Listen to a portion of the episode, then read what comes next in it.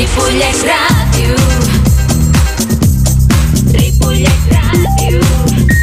91.3 ordinari del mes de novembre. Excusem l'assistència a la regidora Reyes Muñoz i entenc que el regidor Francisco Javier Tàpies anarà incorporant al llarg de, de la sessió. Comencem pel primer punt, que és l'aprovació de l'acte de la sessió anterior, la corresponent a la sessió ordinària de 27 d'octubre. La donem per aprovada, si ningú manifesta el contrari. S'aprova per unanimitat. Pel que fa a despa- despatx d'ofici, donem compte el llistat de decrets d'alcaldia dictat des del 21 d'octubre fins a 17 de novembre, amb dos inclosos que consta a l'expedient dels llibres de decrets d'alcaldia número 2022 barra 98. Es dona compte el llistat dels acords de la Junta de Govern Local d'octubre al 22 a l'expedient del llibre d'actes número 2021 barra 2015 i restem assabentats de la informació periòdica sobre l'execució pressupostària i els moviments de tresoreria del tercer trimestre de l'exercici 2022.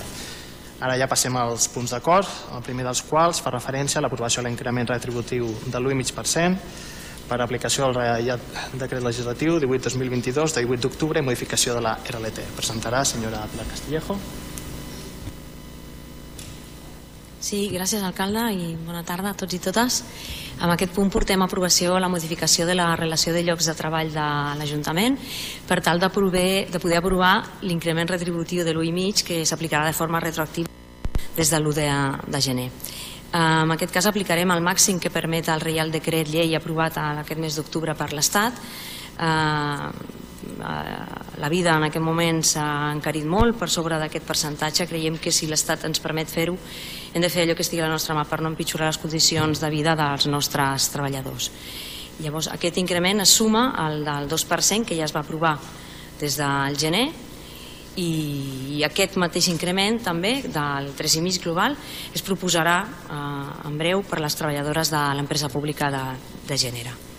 Eh, també aprofitàvem per explicar que en aquest mateix context de crisi que ens fa aplicar el màxim de l'1,5 pels nostres treballadors eh, també ens fa prendre la decisió de no portar al ple l'aprovació d'aquest mateix increment dels sous dels, del personal electe en dedicació. Gràcies. Posicionaments, senyor Montanui.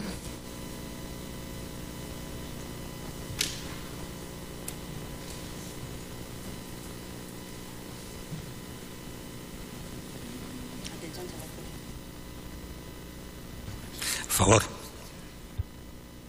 Gràcies. Som? A favor. Ciutadans? A favor. PSC? Sí, bona tarda a tots i totes. Aquest és un punt que s'està aprovant ara mateix a tots els ajuntaments de, de, de l'Estat i per tant votarem a favor. Gràcies. El segon punt d'acord fa referència a la renúncia a la concessió parada, cambres i magatzem del mercat municipal. Que es proposa és acceptar la renúncia a les concessions, de les concessions administratives de la parada número 117-140, magatzem número 2 i cambres frigorífiques de carn número 7 i congelats número 3 del mercat municipal, segons petició formulada per la senyora Juana Barcons, amb efectes 1 de juny del 22 i tenir per tant ex- per extingida aquesta activitat de carnisseria i disposar la reversió del servei, així com el conjunt de béns mobles que s'hi hagin incorporat de forma permanent i notificar les parts interessades. Posicionaments, senyor Montanui? Favor. Som? A favor. Ciutadans? PSC? A favor. Amb l'abstenció de Ciutadans i el vot favorable a la resta queda aprovat aquest punt. I ara ja passem a les mocions. La primera moció és presentada pel grup de Som Ripollet sobre el tribut metropolità. Melody López, endavant. Hola, buena tarde. Eh, pasaré, a, pasaré a leer la moción sobre el tributo metropolitano després de les quatre resol- resolucions del síndic de Greuges. Les associacions de veïns de Ripollet sol·liciten als grups municipals l'aprovació d'aquesta moció al pròxim ple de l'Ajuntament. Atès que el síndic de Greuges de Catalunya ha emès les quatre resolucions números eh, 215 barra 2019 si- si- 6.403 barra 2020, 10.452 barra 2020, 11.155 barra 2020 relatives al tribut metropolità de l'àrea metropolitana de Barcelona després d'haver rebut nombroses queixes dels municipis de la segona corona, atès que cal trobar altres vies del sistema de finançament de la l'AMB més justes, igualitàries, equitatives, eficients i suficients. Atès que la ciutadania té dret a una fiscalitat justa respectant els principis de capacitat econòmica, progressivista, redistribució, igualtat i equitat, no sent aquests els criteris de càlcul del tribut metropolità en basar-se sobre els valors cadastrals.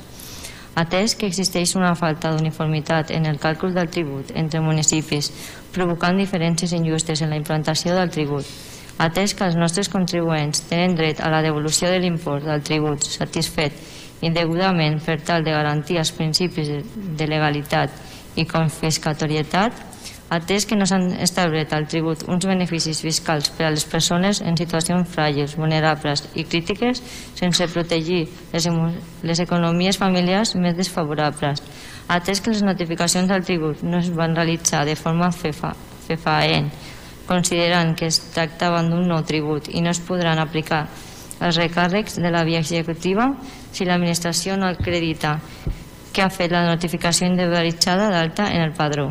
Atès que no disposem d'un calendari d'inversions de millores en infraestructures i serveis de l'AMB, en l'ordre a pal·liar les deficiències i desequilibri dels nostres municipis, tot assolint els, els objectius de qualitat en el transport públic, mobilitat sostenible, accessibilitat universal i protecció als col·lectius més vulnerables, atès que a tot el nostre municipi de la segona corona metropolitana no s'ha integrat la targeta T16 de nens i nenes del transport de viatges per utilitzar dins de tota la zona 1 del transport metropolità, atès que l'AMB ha de garantir la participació ciutadana tot establint un diàleg obert proactiu amb la ciutadania i les seves plataformes veïnals en l'escolta de peticions i la cerca consensuada de solucions, atès que el nostre Ajuntament va votar en contra de l'aprovació definitiva de l'ordenança del Tribunal Metropolità el 2022 en el Consell de l'Àrea Metropolitana de Barcelona del 21 de desembre de 2021, per tot això la plataforma No Tribut AMB demana als grups polítics municipals l'adopció dels següents acords. Primer, demanar a l'àrea metropolitana de Barcelona suspendre la implantació del tribut en les 18 municipis de la segona corona per l'any 2023, en el qual s'haurà d'establir les mesures correctores recomanades i reclamades pel síndic de Greuges de Catalunya en les seves quatre resolucions meses. Segon, sol·licitar el no aplicar els recàrrecs per via executiva dels rebuts del tribut no cobrats, al no haver fet l'AMB la notificació individualitzada i fer, fa, i fer als contribuents. Tercer, retornar als nostres contribuents els imports satisfets indegudament del mes del tribut de l'exercici 2019 i que s'han calculat erròniament. Quart, instar l'AMB a reformar el seu sistema de finançament amb l'objectiu de fer-lo més just, igualitari i equitatiu. Cinquè, reclamar la constitució d'una taula de diàleg amb la representació política de la Junta de Govern de l'AMB i la plataforma No Tribut a l'AMB unificada que representa les diferents plataformes locals dels nostres municipis amb l'objectiu de portar un debat conjunt i arribar a acords sobre el tribut metropolità. Sisè, reiterar el vot contrari d'aquest Ajuntament a l'aprovació definitiva de l'ordenança fiscal del Tribut Metropolità en el 2023 en el pròxim Consell de l'Àrea Metropolitana de Barcelona, que es presenti aquesta ordenança per la seva aprovació.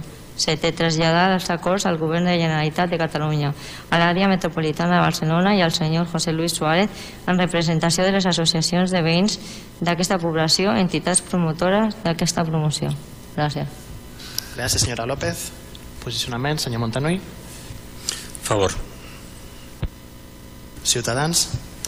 Sí, nosaltres ja ho hem manifestat a la Junta de Porteus, estem totalment a favor d'aquesta moció, però sobretot demanaríem que aquells que tenen responsabilitats en governar l'àrea metropolitana s'apliquin la lletra de la cançó, que sona molt bé, però convé que quan decideixen a l'àrea metropolitana també facin ressò del que pensa Ripollet. Gràcies. Gràcies. PSC. Buenas tardes a todos. Eh, nuestro grupo vota a favor. Gràcies. Per decidim, senyora Pilar Castillejo. Sí, gràcies de nou. Um, bueno, quan vam veure que teníem una moció de, de SOM pel ple d'aquest Ajuntament, la primera reacció va ser una mica sorpresa perquè fa temps que no ens entra cap moció o cap pregunta o cap argument, però uh, quan la vam obrir, clar, vam entendre perquè tenim una moció de SOM eh, sobre el tribut metropolità.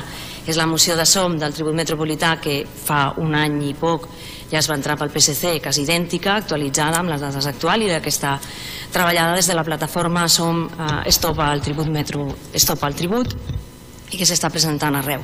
Per tant, eh, nosaltres eh, tenent com arriba aquesta moció aquí en aquest ple, el que podem dir és que la recolzem plenament, evidentment. Nosaltres recolzem aquesta moció eh, perquè eh, són, crec jo, els que més estem treballant per modificar o per eliminar aquest tribut a l'àrea metropolitana. I, i ho fem allà i ho fem aquí mantenim el mateix discurs quan el donem a l'àrea metropolitana que quan venim aquí i l'expliquem aquesta coherència ens fa que, doncs, que aquí també el votem, votem a favor d'aquesta aquest, moció uh, nosaltres no estem en contra dels impostos i no estem en contra de que hi hagi un tribut metropolità. Creiem que és una eina que ens permet redistribuir les rendes i que és necessari que existeixen, però el que sempre hem defensat és la justícia tributària. Eh? I el que entenem és que aquest tribut metropolità no té res de just, per dues raons principalment. Una, eh, perquè es calcula sobre el valor cadastral dels immobles i pensem que no s'escau aquest càlcul, no? que es faci sobre el valor cadastral.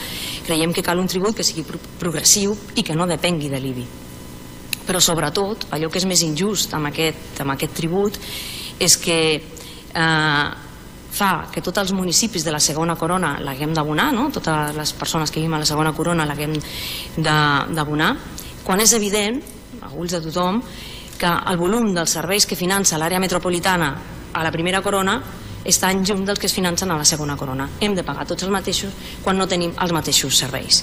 I fins que no se solucionin aquests dos punts, i que facin que aquest tribut sigui just, nosaltres estarem en contra de tal i com està, tal i com està formulat actualment eh, el tribut. Nosaltres des de l'àrea metropolitana hem fet bastanta feina per intentar modificar aquest tribut metropolità.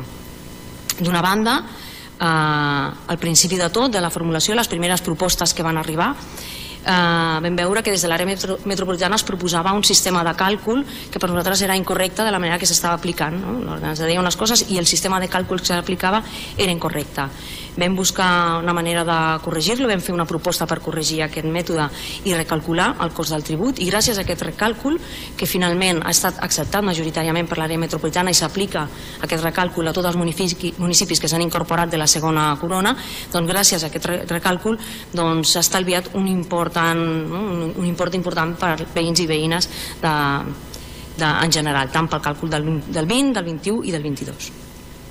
A més a més, des del grup metropolità d'Ara Decidim i des del 2020 hem fet diferents esmenes que no han estat acceptades a tràmit, hem fet al·legacions a les ordenances, hem negociat amb pressupostos, hem diferent, fet diferents feines en diferents eh, direccions respecte a això. D'una vegada hem proposat, per exemple, suprimir el cobrament del tribut per l'any 2020, que era quan es posava en marxa, i suprimim aquest any. Hem plantejat un pla de millora del transport públic per la segona corona metropolitana i que aquest pla s'inclogués al pla director d'infraestructures. Hem proposat una millora substancial de la tarifació social en aquesta mateixa zona Eh, demanaven també l'ampliació de les subvencions i bonificacions. Hem fet propostes, eh, al·legacions a les ordenances fiscals en aquest sentit. Hem proposat la creació d'una comissió per canviar la legislació estatal i autonòmica i modificar l'impost des de l'arrel, que no es basés en l'IBI. Hem proposat l'ampliació del període de recurs dels ciutadans al Tribut Metropolità, és a dir, que tinguessin més temps per presentar al·legacions i queixes al rebut presentats per l'AMB. Hem proposat l'augment del llindar econòmic per sota del qual no es paga, és a dir, hem proposat que més llars amb un valor cadastral baix deixessin de pagar aquest tribut. Hem proposat també una auditoria sobre les inversions fetes els darrers 10 anys a l'àrea metropolitana en funció dels territoris de la mateixa, diferenciant entre la primera i la segona corona, i cap d'aquestes propostes ha estat acceptada pel govern de l'àrea metropolitana amb el PSC al davant. I això és un fet objectiu.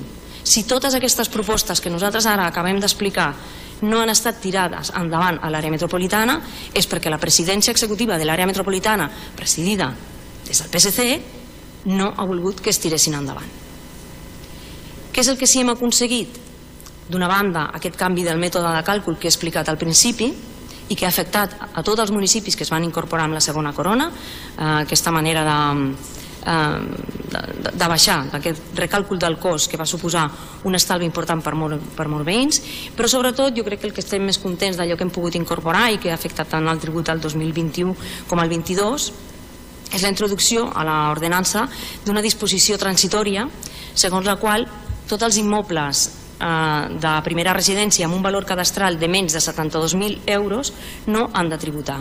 A la resta de municipis, que no siguin Ripollet de l'àrea metropolitana, aquest, aquest llindar per sota del qual no tributen és de 46.000 euros. Només els que tenen un valor cadastral per sota de 46.000 euros no tributen. En canvi, a Ripollet, gràcies a aquesta eh, disposició transitòria, aquest llindar l'hem apujat fins al 72.033 euros. Què hem aconseguit amb això?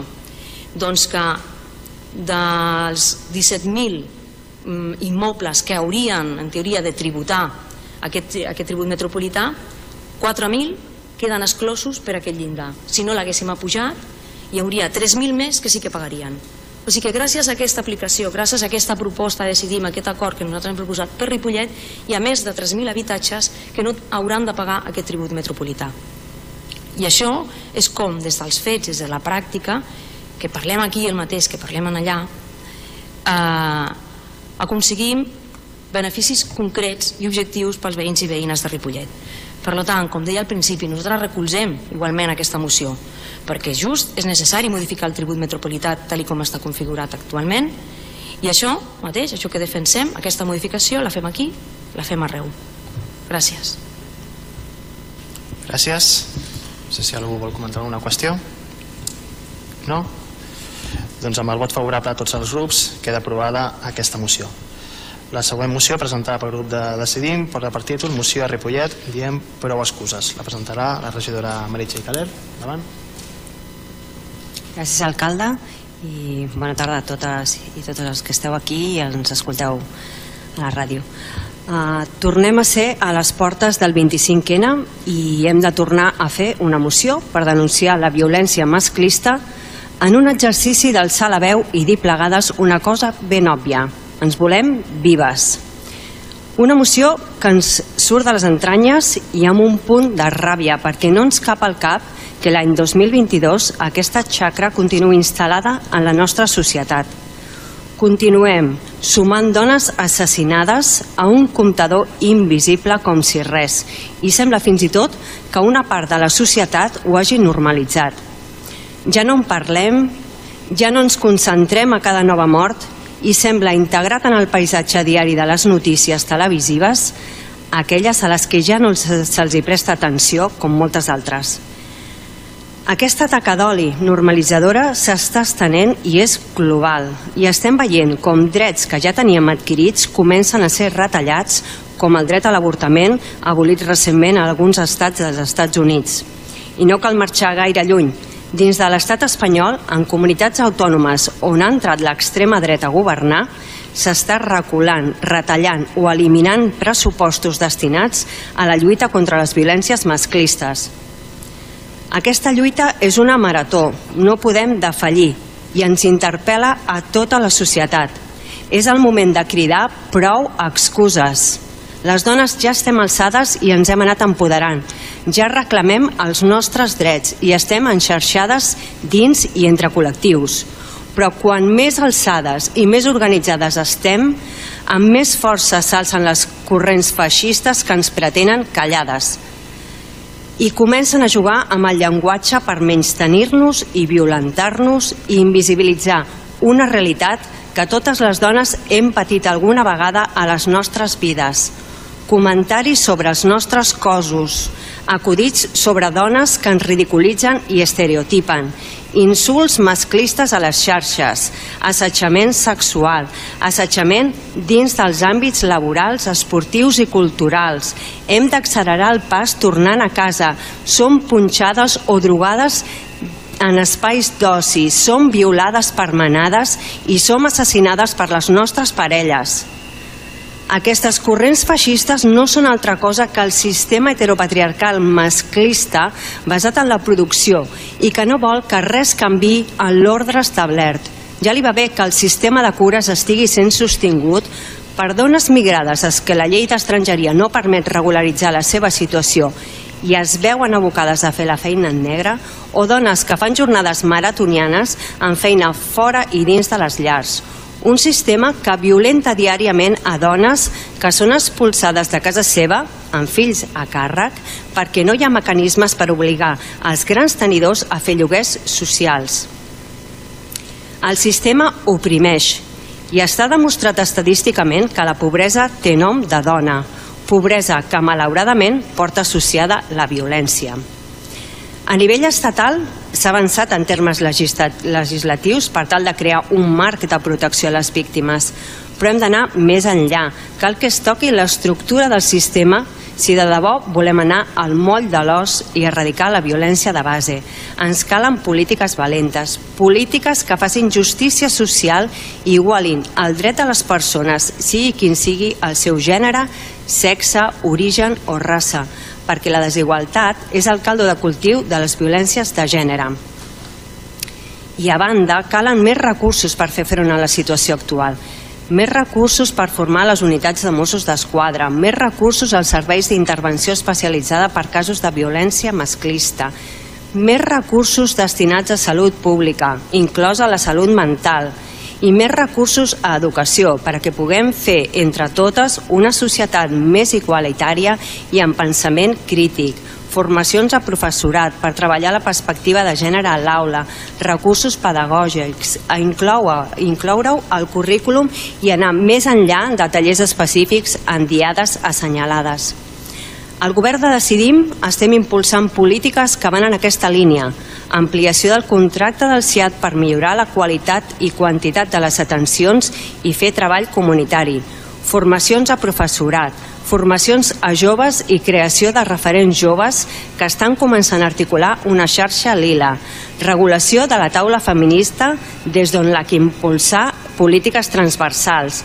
Actualització del protocol contra la violència masclista ampliant el radi de professionals i àmbits implicats, projectes de formació i ocupació destinats a trencar amb els rols de gènere, pla d'igualtat actualitzat i creació d'un espai de referència per totes les dones en el que en pocs mesos esdevindrà la Casa de les Dones. Però, com deia, això no és suficient. El masclisme impera en molts àmbits de la nostra societat i violenta diàriament les dones, sigui quin sigui el seu estatus, feina, formació o origen. Ahir mateix vam viure un exemple molt representatiu al Congrés dels Diputats, protagonitzat per una diputada de Vox exercint violència contra la ministra Irene Montero. Crec que el fet que aquesta violència es donés dins d'un àmbit de participació democràtica evidencia que estem vivint un retrocés i demostra que cal anar a l'arrel i que calen polítiques valentes perquè les dones siguem respectades, tingudes en consideració i deixant de ser tractades com a objectes o dones de. Malauradament, i per tot això, alguns dels punts d'acord que presentem avui són repetició dels del 2021, perquè poc hem avançat en el transfons del problema. I són els següents. Instar al Gobierno de España i a la Generalitat de Catalunya a que dotin de més recursos als municipis per poder desenvolupar polítiques feministes que abordin les violències masclistes de manera transversal. Instar al Gobierno de España i a la Generalitat de Catalunya a que despleguin el marc normatiu i els dotin de recursos per a que es pugui dur a terme.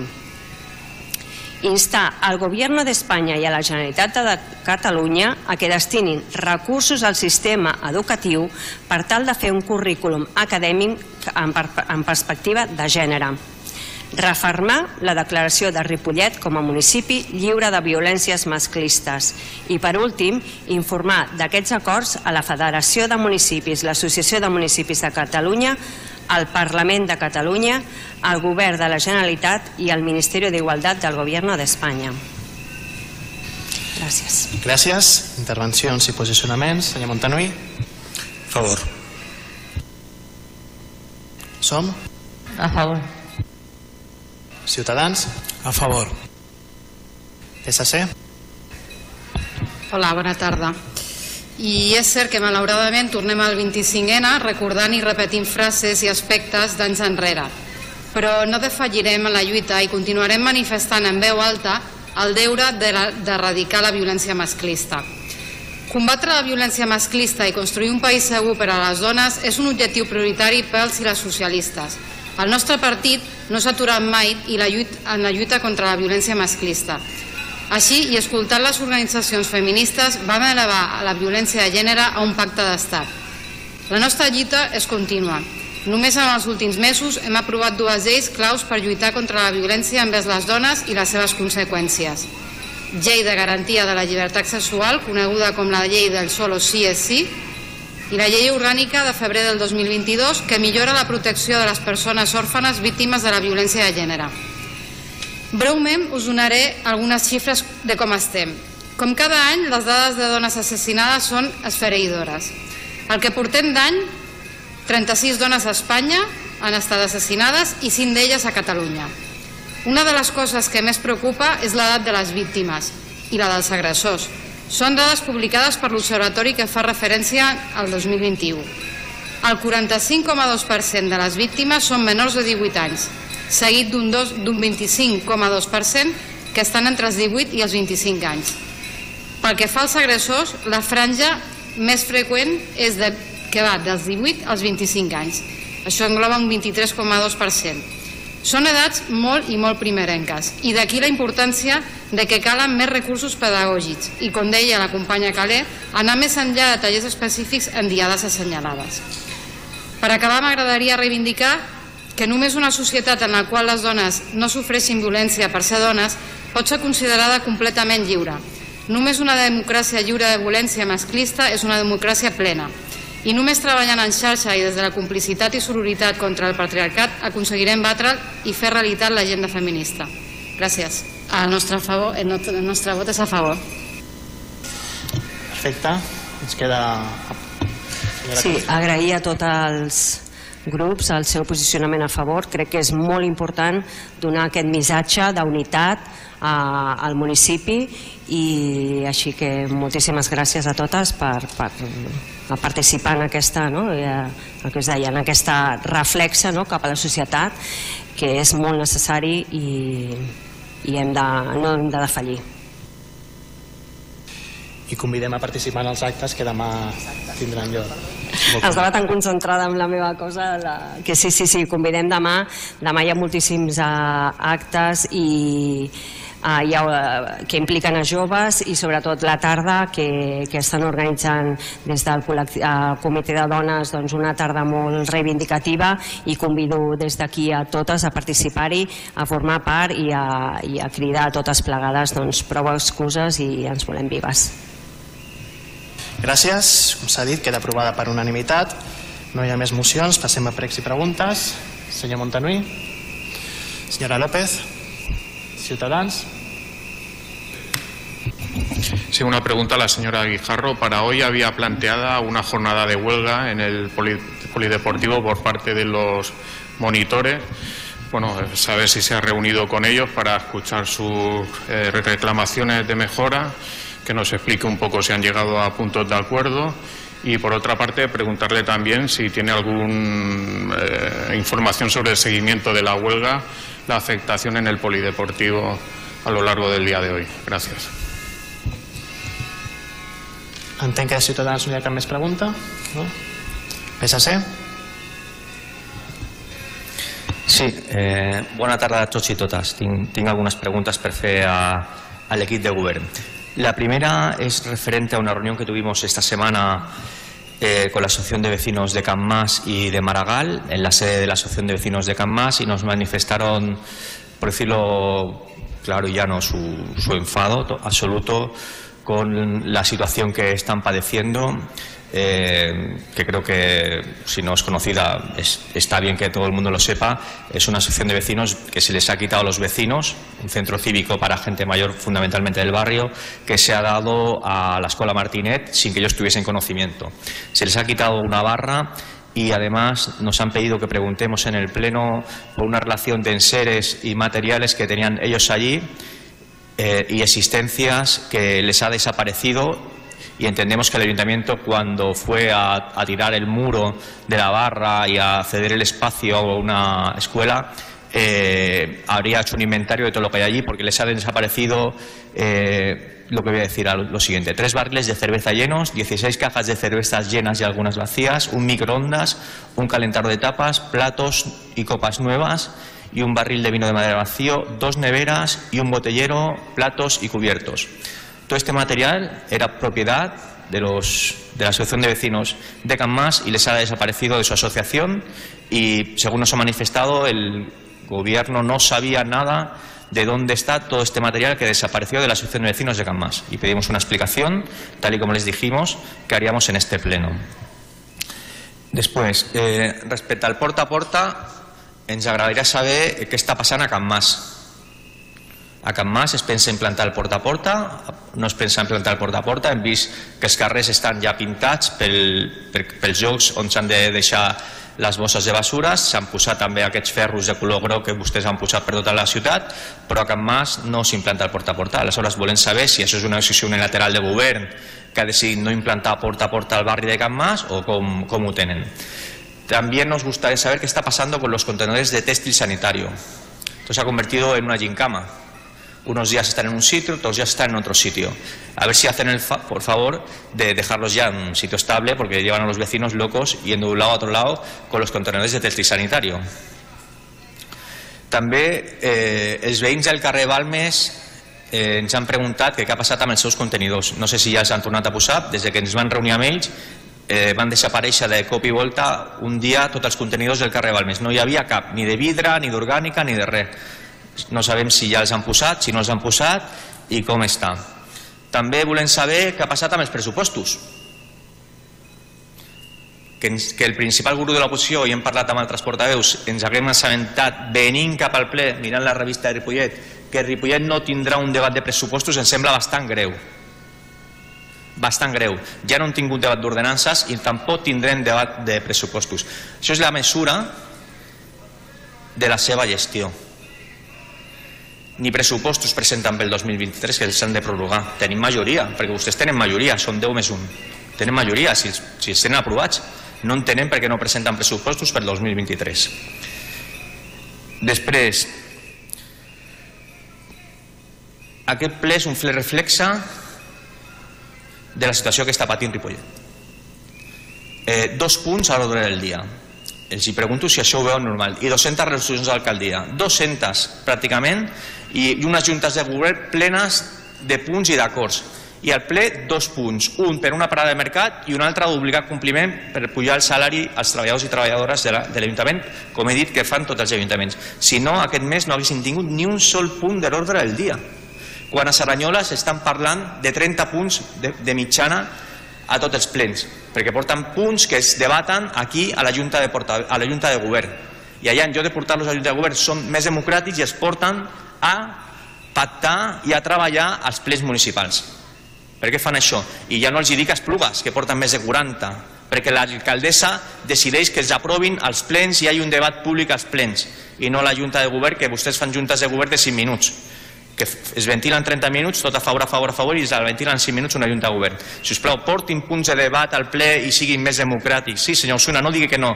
Dos punts avui al ple, portin els punts al ple. I després un tema molt greu. Y, y, y voy a hacer lectura para que nos puedan explicar lo que ha pasado hoy en el área metropolitana de Barcelona. Y está bien que todo esto lo sepan los vecinos. Eh, un punto que s'ha aprovat hoy en el Consejo Metropolitano que dice pèrdua dret de cobrament, inici del procediment de reintegrament per una subvenció en matèria de residus al Ayuntamiento de Ripollet.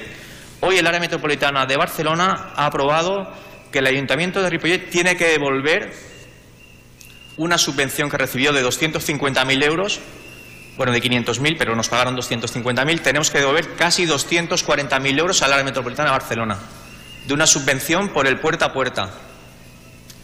Nos gustaría saber eh, a qué es debido, si es cierta esta, esto. Bueno, esto se ha aprobado hoy en el Pleno de la Metropolitana, donde ustedes son miembros.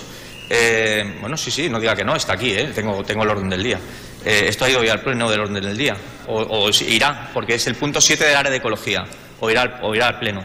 Pero esto va al Pleno de la área metropolitana va al Pleno. Entonces nos gustaría saber qué, qué, ha pasado con esto, porque tenemos que devolver al área metropolitana casi 240.000 euros de una subvención por un, de un tema que ustedes ya han tirado adelante. Entonces no entendemos por qué, por qué hay que devolver esa, esta cantidad. Muchas gracias. Gràcies. Regidor, regidores que vulguin contestar alguna qüestió? Sí, senyora Guijarro.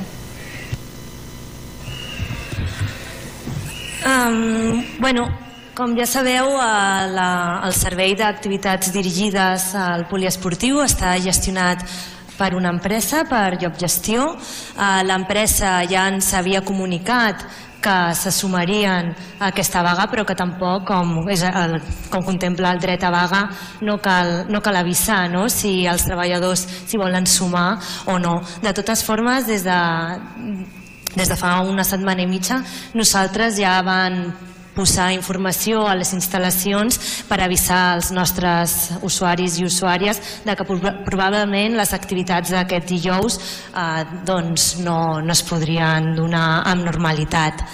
Um, aquelles, bueno, per tant, sí que he fet seguiment d'aquesta vaga. S'han hagut de suspendre algunes classes, entre elles també les que es fan de gent gran al pavelló Joan Creus i també els van, vam, vam avisar la nostra gent gran. I bueno, la veritat és que no, no m'he reunit amb Job Gestió, però nosaltres eh, el que podem fer com a Ajuntament és quan tornem a licitar aquest tipus de servei doncs és tenir en compte les condicions de, de l'empresa que guanyi la licitació amb els seus treballadors perquè doncs, puguin fer els seus treballs de la forma més, més digna i no en condicions precàries que sobretot és el que es manifesta amb, amb aquesta vaga. Gracias. Señora Castillejo. Responc algunes, diverses preguntes. Um, em preguntava per la implantació del porta a porta. Eh, senyor Tirado, aquestes alçades encara no sap que aquí no fem porta a porta. O sigui, és un sistema híbrid, és un sistema híbrid, no, no, sí, ja ho veig, però el que tenim a Ripollet és un sistema híbrid, no fem porta a porta. Hi ha un sistema híbrid en el que mantenim dos contenidors al carrer, dos de cinc, per tant, no, no, no, no fem porta a porta. Quan implementarem el nou sistema de recollida a Can Mas? Eh, continuem dient el mateix que hem dit des del primer moment. Nosaltres implementarem en el moment que les condicions objectives i subjectives es donin per poder continuar donant passes. Creiem que és un moment en el que cal consolidar les que hem donat fins ara. Del sector de Can Mas no és cert que no s'hagi implementat. S'ha implementat amb una part del sector de Can Mas. Tot el sector l'hem dividit en dos parts, hem fet unes primeres passes, sí que s'ha implementat a Can Mas, no s'ha implementat al conjunt del sector. Quan ho farem? Quan es reuneixin les condicions objectives i subjectives. En aquest moment estem consolidant les passes que hem donat fins ara i vam fer tota una explicació de quines eren les accions que consideràvem necessàries dur a terme per poder continuar i donant passes per anar més enllà. Quan haguem assolit eh, aquests objectius, farem la següent passa. En aquest moment hi som? Encara no. Per tant, pas a pas. Quan assolim les condicions, implantarem. En lloc d'aquest municipi han desaparegut eh, contenidors. Mm, avisem en temps de què es fa amb aquests contenidors, no desapareixen, no desapareixen de cop i volta. Hi han dos llocs on hi havia bateries instal·lades de contenidors que una vegada que s'han retirat els altres, quan s'han retirat els altres contenidors i les fraccions es fan a l'aportació a porta a porta i eren al carrer Balmes un a l'alçada eh, de, del, del carrer Cot més o menys i l'altre al final del carrer Calvari que en trobar-se amb aquesta confluència del carrer Balmes on passaven molts vehicles i la proximitat amb el polígon i una vegada que els, que els veïns ja no utilitzaven els contenidors d'envasos ni de resta ni de paper cartró, el que veien era molta aportació per part d'aquestes empreses. El que s'ha vist és que era més òptim pel sistema alliberar aquests espais, que el que estaven fent era que vinguessin empreses directament amb camionetes i buidessin en allà residus i que l'únic que feien bueno, de manera il·legal, evidentment, doncs reubicar aquests contenidors, el contenidor orgànica s'ha pujat a la part de dalt de, per la mateixa zona i el de vidre també, s'han re- resituat en espais on, tenen, on es pot donar millor ús, però no desapareixen, sinó que s'avisa amb temps als veïns d'allò que es farà i, i es reubiquen en, en espais on tinguin un millor ús. Uh, pel que fa al pressupost, uh, aquest govern, és potestat d'aquest govern portar un pressupost a aprovar o no portar-lo. I nosaltres hem decidit que no ens calia portar aprovació un nou pressupost pel, pel 23. Per què? Amb els moviments que hem fet durant aquest any, nosaltres aprovem pel 2022 un pressupost d'aproximadament 40 milions d'euros i a més a més durant aquest any hem incorporat i hem repartit romanent que només amb inversions arriba als 7 milions 200.000 euros. Amb aquests diners que nosaltres hem posat al llarg d'aquest any per fer les inversions, més tot allò que s'ha aplicat a capítol 2 i a capítol 1 per eh, augmentar subvencions, augmentar els ajuts, a, a poder fer més activitats, a banda d'això, els 7 milions 200.000 euros que hem posat en inversions, compleixen amb, podem arribar a assolir els objectius que ens havíem posat d'obres que havíem de fer per aquest mandat. Val? Tots els objectius que teníem posats o els assolim o els comencem. Amb aquesta inversió que hem posat durant aquest temps, hem posat els diners necessaris durant aquest, durant aquest 2022 i hem incorporat romanent per fer-lo, per fer les obres del riu. Que recordo amb el vot en contra del PSC. Hem posat els diners per fer el riu. Hem posat els diners per poder fer front a les obres del poliesportiu, de reformes amb molts equipaments esportius, com ara la gespa de l'industrial, amb escoles, amb vies públiques, amb els arranjaments que estem fent ara mateix, per exemple, a Voreres de Tiana i Pontvell, o el projecte de remodelació de Sant Sebastià que començarà aviat per començar les obres de la Casa de la Dona que també es faran aviat i començar les obres de, de, del viver d'empreses. Eh, per fer els projectes de totes aquelles obres que haurem de començar en breu eh, pel proper mandat. El projecte executiu de la nova biblioteca de, del, de l'equipament aquí dalt o inclús fins i tot per poder fer tot el pla executiu de la residència. És una altra de les coses que nosaltres estem treballant per tenir el finançament per la residència. No només amb finançament propi, sinó també, i també ho hem explicat, demanant el préstec que amb aquest pressupost ja estava inclòs d'un milió 600.000 euros per poder fer front a l'inici de les obres. Per tant, amb totes aquestes partides que nosaltres ja hem incorporat durant aquest any podem fer front. I el que volem és aprovar un pressupost que ja vagi encarat als nous projectes i nous reptes del nou mandat que encararem a partir del maig. Llavors, es treballa en un, nou, en un nou pressupost preparat pel nou projecte i amb el que tenim fins ara treballem els sis, mesos, els sis primers mesos de l'any per assolir tot allò que ja tenim en marxa. I per això hem considerat que no ens calia aprovar els pressupostos. Tenim els diners necessaris per allò que volem posar en marxa o enllestim i ja treballem de cara als nous projectes i nous reptes del futur. Uh, per acabar les informacions que ens ha dit del Consell Metropolità, que jo veig que no li han arribat molt bé, no li han arribat bé en cap dels sentits. Primer, avui no s'ha celebrat cap Consell Metropolità, avui hi havia comissions informatives.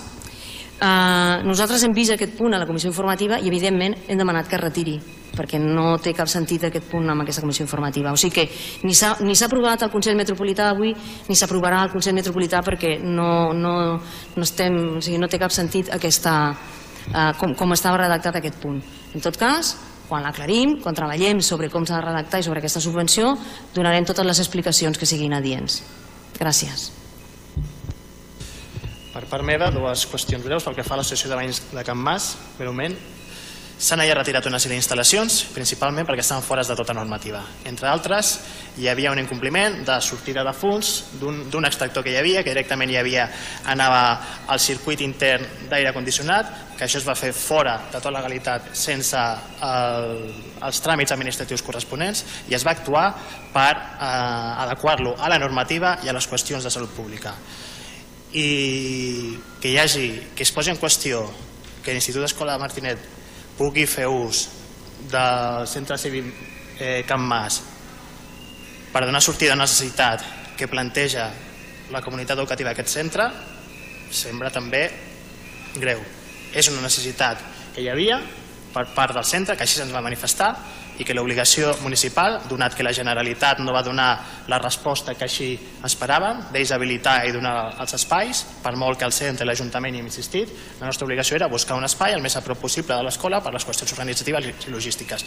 I, el, i la ubicació més propera era eh, aquest centre cívic de Can Mas. Podem parlar de si es va eh, parlar més o menys al respecte, cosa que jo particularment en tres ocasions ja he parlat amb la mateixa associació de veïns, però que es posi en dubte la necessitat i que això sigui així, són, eh, es dona resposta a una necessitat d'un equipament del barri i d'uns veïns i veïnes de Ripollet.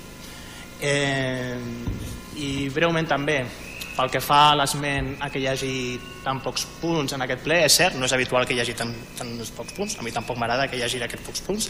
Al ple passat hi van haver més del que era habitual, en aquest hi ha, hi ha menys, depèn del nivell de maduresa o no i com agafi el calendari. Esperem que el mes de desembre hi hagin més, més punts i, i que s'hi pugui fer més debat. És la primera ocasió també que sento per, escolto per part vostra aquesta qüestió de portar punts de Junta de Govern local. Nosaltres, en aquest cas, les atribucions de Junta de Govern, hem seguit la tradició que històricament hi havia eh, en aquest municipi, també encapçalat moltes ocasions eh, anteriorment amb el, amb el PSC. És la primera vegada que escolto això. En tot cas, cap problema, feu una proposta, parlem-ne, hi ha algunes coses que estan arreglades també per la, per la mateixa eh, de règim de bases eh, local i, eh, i caldria veure si es poden portar a ple, perquè hi ha algunes que són directament de Junta de Govern i que no es poden, bueno, la secretària m'està dient que efectivament hi ha algunes qüestions que no es podrien portar a ple si són competència de la Junta de Govern. Eh, I en tot cas, a la qüestió de debat, debatem-ne del que vulgueu. Eh, hem portat pocs punts. Avui el grup del PSC no ha portat cap moció. També era un moment de si tant els hi preocupa de debatre sobre coses i qüestions d'interès municipal que el PSC porti una moció. Avui aquest ple el PSC no ha portat cap moció. I en la moció del Tribunal Metropolità tampoc ha fet debat. Ok, cadascú eh, legítimament fa el que, el que, el que considera, el que, el que pot fer. Alguna qüestió més? Sí. Bueno, que vostè em digui que el PSC en aquest ple no porta mocions quan som el principal grup que més mocions porten amb moltíssima diferència respecte dels altres, té, té guassa la broma. Perquè són en diferència el grup que més mocions porta i només fa falta que miri totes les actes, però en diferència no una ni dos, moltíssimes més. Que vostès i que la resta de grups tots junts això el primer. Després, la senyora Castillejos ha fet un discurs bueno, sobre les inversions municipals. Només li recordaré una cosa, i és que, és que m'ho ha posat a ou. És que està avui, ho tenim aquí a l'acte del ple d'avui. Sap el tant per cent d'inversió que porta aquest govern amb el tercer trimestre, l'informe que ens han passat del tercer trimestre? Ho sap vostè? Sí, ya le dic jo. Un 5,1%. Pero si ustedes tenían un presupuesto de 2.735.000, han hecho modificaciones por 11.734.000, que lo han dejado en 14 millones y medio y se han gastado 741.000 euros. Un 5%. ¿Pero qué me está contando, señora Castillejos? ¿A quién va a engañar? Como con lo del puerta a puerta, el ripolleta a puerta, pero bueno, esto es un puerta a puerta en toda regla. Le puede llamar y darle la, campaña de marketing y poner lo que usted quiera, pero es un puerta a puerta. Y los vecinos de, Mar- Balmes son los que nos dijeron que se habían quitado los contenedores y le puedo enseñar WhatsApps, que nos los dijeron ellos que lo habían quitado sin tener conocimiento y de un día para otro no sabían dónde dejar las basuras. Que no lo sabían, lo dijeron ellos, porque nadie les había informado. Nadie les había informado de esto. Y sí que me parece grave, señor Osuna, me parece muy grave que un gobierno como el suyo no respete a los vecinos de Canmas, porque ustedes no les respetan, porque ustedes les han quitado la asociación de vecinos y no me ha dicho nada de todos los materiales que tenían allí, que yo le he hecho una lista que me lo han pasado ellos, que aquí está, que no me la invento, que me lo han pasado ellos. ¿Dónde están? ¿Quién se los ha llevado esto? ¿Quién se lo ha llevado? Pues dígalo y devuélvaselo, por favor, devuélvaselo porque es de ellos. Esto, esto es de ellos. Gracias. Muy brevemente, quan vostè parli amb veïns de Can Mas, no només amb l'associació de veïns, perquè segurament altres veïns de Can Mas que no estan dins de l'associació li donaran una visió ben diferent a la que també legítimament tenen els de l'associació de veïns. I els diran una altra visió diferent que no és aquesta amb la que vostè eh, coincideix. No l'he dit. Aquesta, aquest llistat hi ha algunes coses que em consten i em, sonen perquè així també la mateixa associació de veïns em va comentar que eren dels que tenien el bar anteriorment d'altres qüestions que no. És un llistat que s'ha passat a la brigada per tal d'analitzar si estan en el magatzem o, o en algun altre lloc o, o quin és el seu su paradero i ja està, i del tema emocions. Vostè ha parlat dels dos punts d'avui, jo l'he dit avui que si avui li, li preocupava la qüestió de debat haver presentat mocions i avui el PSC no ha presentat mocions. Molt bé amb això, no, no, no, no hi ha més, no hi ha més espai pels pregs, per les, per les preguntes, no, només una pregunta. Eh, D'acord, com m'he informat a Junta Portaveus, hi havia una petició de, de, de paraula a nom del senyor Javier Gallardo però no hi ha ningú aquí que es digui Javier Gallardo. Doncs aleshores donem per finalitzada... No. Moltes gràcies i, i aixequem la sessió.